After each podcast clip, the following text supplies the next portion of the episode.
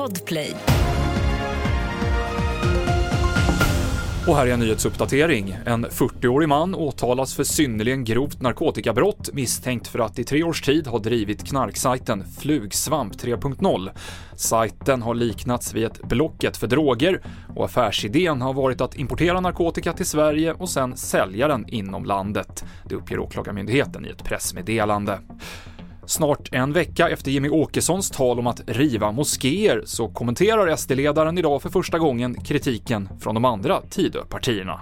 Det är ju inte såklart särskilt gynnsamt för de relationer som vi ska ha med varandra. Å andra sidan är det här inte frågor där vi samarbetar på det sätt som vi gör i andra viktiga frågor så att det, det spelar ju ingen roll i praktiken men jag hade ändå förväntat mig kanske mer av Istället för att peka på det jag har sagt och istället för att peka på att jag har en massa fel så kanske det skulle vara mer rimligt att man faktiskt adresserar de verkliga problem vi har med islamism sa Jimmy Åkesson. Och vi avslutar med att berätta att Viaplay rasar på börsen efter att kvartalsrapporten visat att tv och strömningsbolaget fortsätter att blöda pengar.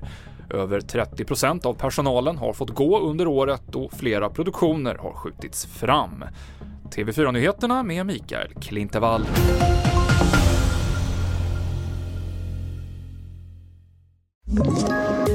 Poddtips från Podplay. I podden Något Kaiko garanterar östgötarna Brutti och jag, Davva, dig en stor dos skratt. Där följer jag pladask för köttätandet igen. Man är lite som en jävla vampyr. Man har fått lite blodsmak och då måste man ha mer. Udda spaningar, fängslande anekdoter och en och annan arg rant. Jag måste ha mitt kaffe på morgonen för annars är jag ingen trevlig människa. Då är du ingen trevlig människa, punkt. Något Kaiko, hör du på Podplay. Därför är gardinerna.